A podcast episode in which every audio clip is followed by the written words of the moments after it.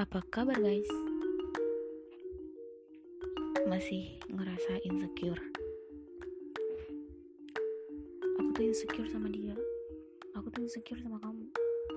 Aku tuh insecure, insecure, insecure, insecure, insecure. Itu ada kata yang sering aku dengar Dan sudah lazim digunakan, didengarkan, dan diucapkan oleh masyarakat di kehidupan sehari-hari. Merasa insecure tak hanya sekedar perasaan percaya diri tapi memang ada sesuatu yang salah dalam diri. Come on, man. Pada dasarnya, setiap orang mempunyai kekurangan dan kelebihannya sendiri.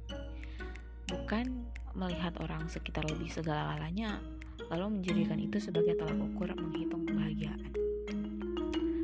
Permasalahannya adalah tidak semua orang dapat menerima kekurangannya sendiri, baik secara fisik ataupun non-fisik bahaya nih.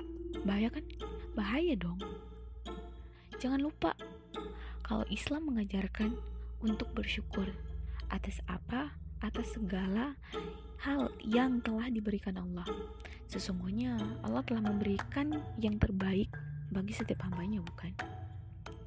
Aku pernah dengar tuh. Allah pernah bilang dalam Quran surah Al-Baqarah ayat 216 yang artinya boleh jadi kamu membenci sesuatu, padahal ia amat baik bagimu. Dan boleh jadi pula, kamu menyukai sesuatu, padahal ia amat, amat buruk bagimu. Allah mengetahui, sedang kamu tidak mengetahui. Jangan pernah berkecil hati dengan apa yang tidak dimiliki dalam diri. Karena apa yang kita miliki belum tentu dimiliki juga oleh orang lain kan.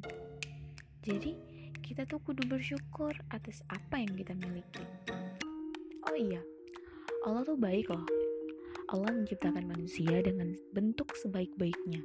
Sebagaimana uh, dalam Quran surah At-Tin tuh ayat 4 sampai 6. Yang artinya kalau nggak salah ya, sesungguhnya kami telah menciptakan manusia dalam bentuk sebaik-baiknya Kemudian kami kembalikan dia ke tempat yang serendah-rendahnya, kecuali orang-orang yang beriman dan mengerjakan amal soleh. Maka bagi mereka, pahala yang tidak ada putus-putusnya. Wow, ini keren. Tanpa disadari, perasaan bahwa diri ini kalah dari orang lain di berbagai sisi terutama fisik, ekonomi, dan pendidikan adalah hal yang membuat seseorang semakin tidak percaya diri. Tapi ingatlah, derajat seseorang, derajat seorang hamba di hadapan Allah hanyalah ketakwaan. Membanding-bandingkan hidup dengan orang lain dalam hal dunia harusnya ditempatkan sesuai dengan porsinya. Um,